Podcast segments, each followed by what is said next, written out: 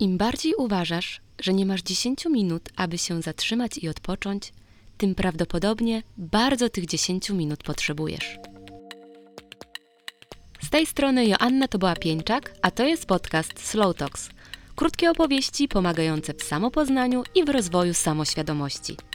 I tak sobie pomyślałam na start, żeby poruszyć w tym pierwszym odcinku temat, który jest przyczyną powstania tego podcastu, a jest nim ten magiczny brak czasu.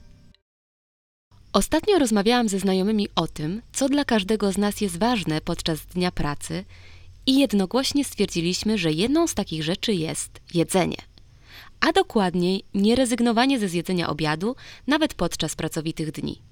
Zgodziliśmy się, że pozbawiając się jedzenia, pozbawiamy siebie energii do dalszego działania. No bo to trochę tak, jakby chcieć przejechać kolejne 100 km samochodem, w którym został litr benzyny. Z drugiej strony, każdy z nas pracował kiedyś z kimś, kto był wiecznie zajęty i ciągle nie miał czasu, a na jedzenie to już w ogóle. A ja do znudzenia będę powtarzać, że nie ma czegoś takiego jak brak czasu. Są po prostu różne priorytety i to my je ustalamy. W przeszłości dość często stosowałam wymówkę pod hasłem nie mam czasu. A działo się to najczęściej wtedy, gdy próbowałam usprawiedliwić się sama przed sobą, że czegoś nie robię. Nie ćwiczę, nie jem dobrze, nie uczę się hiszpańskiego, nie pielęgnuję relacji, nie odpoczywam. Ej, no bo przecież ja nie mam czasu. Za to magicznie ten czas znajdowałam na Netflixa, wyjście na imprezę i chorowanie następnego dnia, przeglądanie internetu czy spanie do dwunastej. Gdy zmieniłam perspektywę, zrozumiałam, że to wcale nie czas mi ucieka, a wyłącznie moje decyzje prowadzą do takiego, a nie innego jego wykorzystania. Sorry, ale sami gotujemy sobie ten los poprzez słabe zarządzanie priorytetami lub biorąc na siebie zbyt dużo obowiązków. Rezygnujemy z siebie, a potem zamiast głośno przyznać, że sami podjęliśmy taką decyzję, wyciągamy wyświechtaną wymówkę o braku czasu. A przecież świat się nie zawali, jeśli dzisiaj zrezygnujesz z posprzątania mieszkania i pójdziesz odpocząć na spacerze, gdy zamiast wyszukanej kolacji zjesz zwykłe kanapki, albo gdy założysz lekko wygniecioną bluzkę, zamiast stać nad deską do prasowania. Jeśli zrozumiemy, że to w dużej mierze nasze decyzje wpływają na to, ile czasu mamy, wtedy łatwiej będzie móc nimi zarządzać tak, jak chcemy. Śmiało też powiem, bazując na obserwacji niektórych moich dzietnych znajomych, że to działa podobnie w przypadku, gdy masz dziecko. No wiem, jest trudniej i pewnie właśnie naraziłam się na publiczny lincz od kilku rodziców. Jednak, gdy przyjmiesz perspektywę, że to ty jesteś panią, panem swoich priorytetów, to zamiast tkwić w pułapce braku czasu, warto zastanowić się, jak to zmienić albo zaakceptować. Czasami trzeba poczekać chwilę, aż dzieci podrosną i na nowo odzyska się większe panowanie nad swoimi zasobami. A już najważniejsze, by nie używać dziecka jako wymówki, że brakuje ci czasu. Bo jak dla mnie te dwa rozwiązania, zmiana lub akceptacja stanu obecnego, są lepsze niż ciągłe narzekanie i skupianie się na brakach.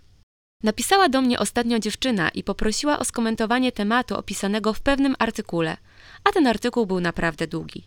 Miało to miejsce w niedzielny poranek, a ja leniwie leżałam na kanapie. Sama złapałam się na tym, że chciałam jej odpisać: Sorry, ale ja nie mam czasu tego czytać. Po chwili dotarło do mnie: Rany, co ja bredzę? Przecież ja po prostu nie chcę tego czytać. I tak właśnie odpisałam. Nie zrezygnowałam ze swojego czasu, aby spełnić czyjąś prośbę, a w dodatku odpowiedziałam zgodnie z tym, co czułam. Temat został zamknięty i nikt do nikogo nie miał pretensji. Nawet dla mnie to była nowość. Jak widzisz, ja sama wciąż się uczę, by nie iść na skróty, tylko wprost wyrażać swoje myśli.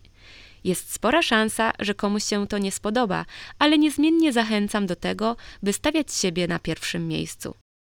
Gdy ja czuję się ze sobą i swoimi decyzjami ok, to oddziałuje to na ludzi dookoła. Jeśli czuję się źle, działa to dokładnie tak samo. A skoro zależy mi na tym, żeby moi bliscy czuli się dobrze, to muszę zadbać też o siebie. Zdarza się, że przytłoczeni masą obowiązków, pomysłów i oczekiwań nie znajdujemy przestrzeni na to, by na chwilę się zatrzymać. Uważam, że wyrządzamy sobie w ten sposób ogromną krzywdę. Chciałabym, żebyś zapamiętał, zapamiętała jedno zdanie. Im bardziej uważasz, że nie masz 10 minut, aby się zatrzymać i odpocząć, tym bardziej tych 10 minut potrzebujesz. Za każdym razem, gdy się zatrzymuję, dostaję w zamian inny punkt widzenia i otwiera mi się szufladka z nowymi pomysłami – A najważniejsze jest to, że dzięki temu łapię dystans i czuję, jakbym po chwilowym bezdechu na nowo mogła głęboko oddychać. Dlatego tak bardzo mi zależy, abyście będąc w biegu i nie mając czasu, zatrzymali się na chwilę i właśnie złapali ten oddech. Być może wtedy dostrzeżecie coś ważnego. A ponieważ wierzę, że najwięcej możemy się nauczyć doświadczając, a nie tylko słuchając, na koniec każdego odcinka będę miała dla Ciebie pytanie lub rozkminę do samodzielnego przepracowania. W tym tygodniu mam dla Ciebie ćwiczenie, które może być nowym spojrzeniem na to, w co inwestujesz swoją energię i czas. Weź kartkę i narysuj oś X i Y. Oś X determinuje pilność zadań, a oś Y ich ważność. Obrazek poglądowy, jak przygotować taką matrycę, znajdziesz w linku pod nagraniem. Następnie wypisz wszystkie swoje zadania, obowiązki, przyjemności, które czekają Ciebie w najbliższych dniach i rozlokuj je według pilności i ważności. Istotny w tym ćwiczeniu jest ten krótki moment zastanowienia i podjęcie decyzji, co jest dla Ciebie pilne, a co ważne. Być może znajdziesz takie rzeczy, które nie są ani pilne, ani ważne. W takim wypadku zapytaj siebie o to, po co chcesz inwestować w nie swój czas. To był pierwszy odcinek podcastu Slow Talks. Cieszę się, że spędziliśmy razem te kilka minut. Więcej treści ode mnie znajdziesz na moim Instagramie i w cotygodniowym newsletterze. W opisie podrzucam linki. Do usłyszenia w kolejnym odcinku.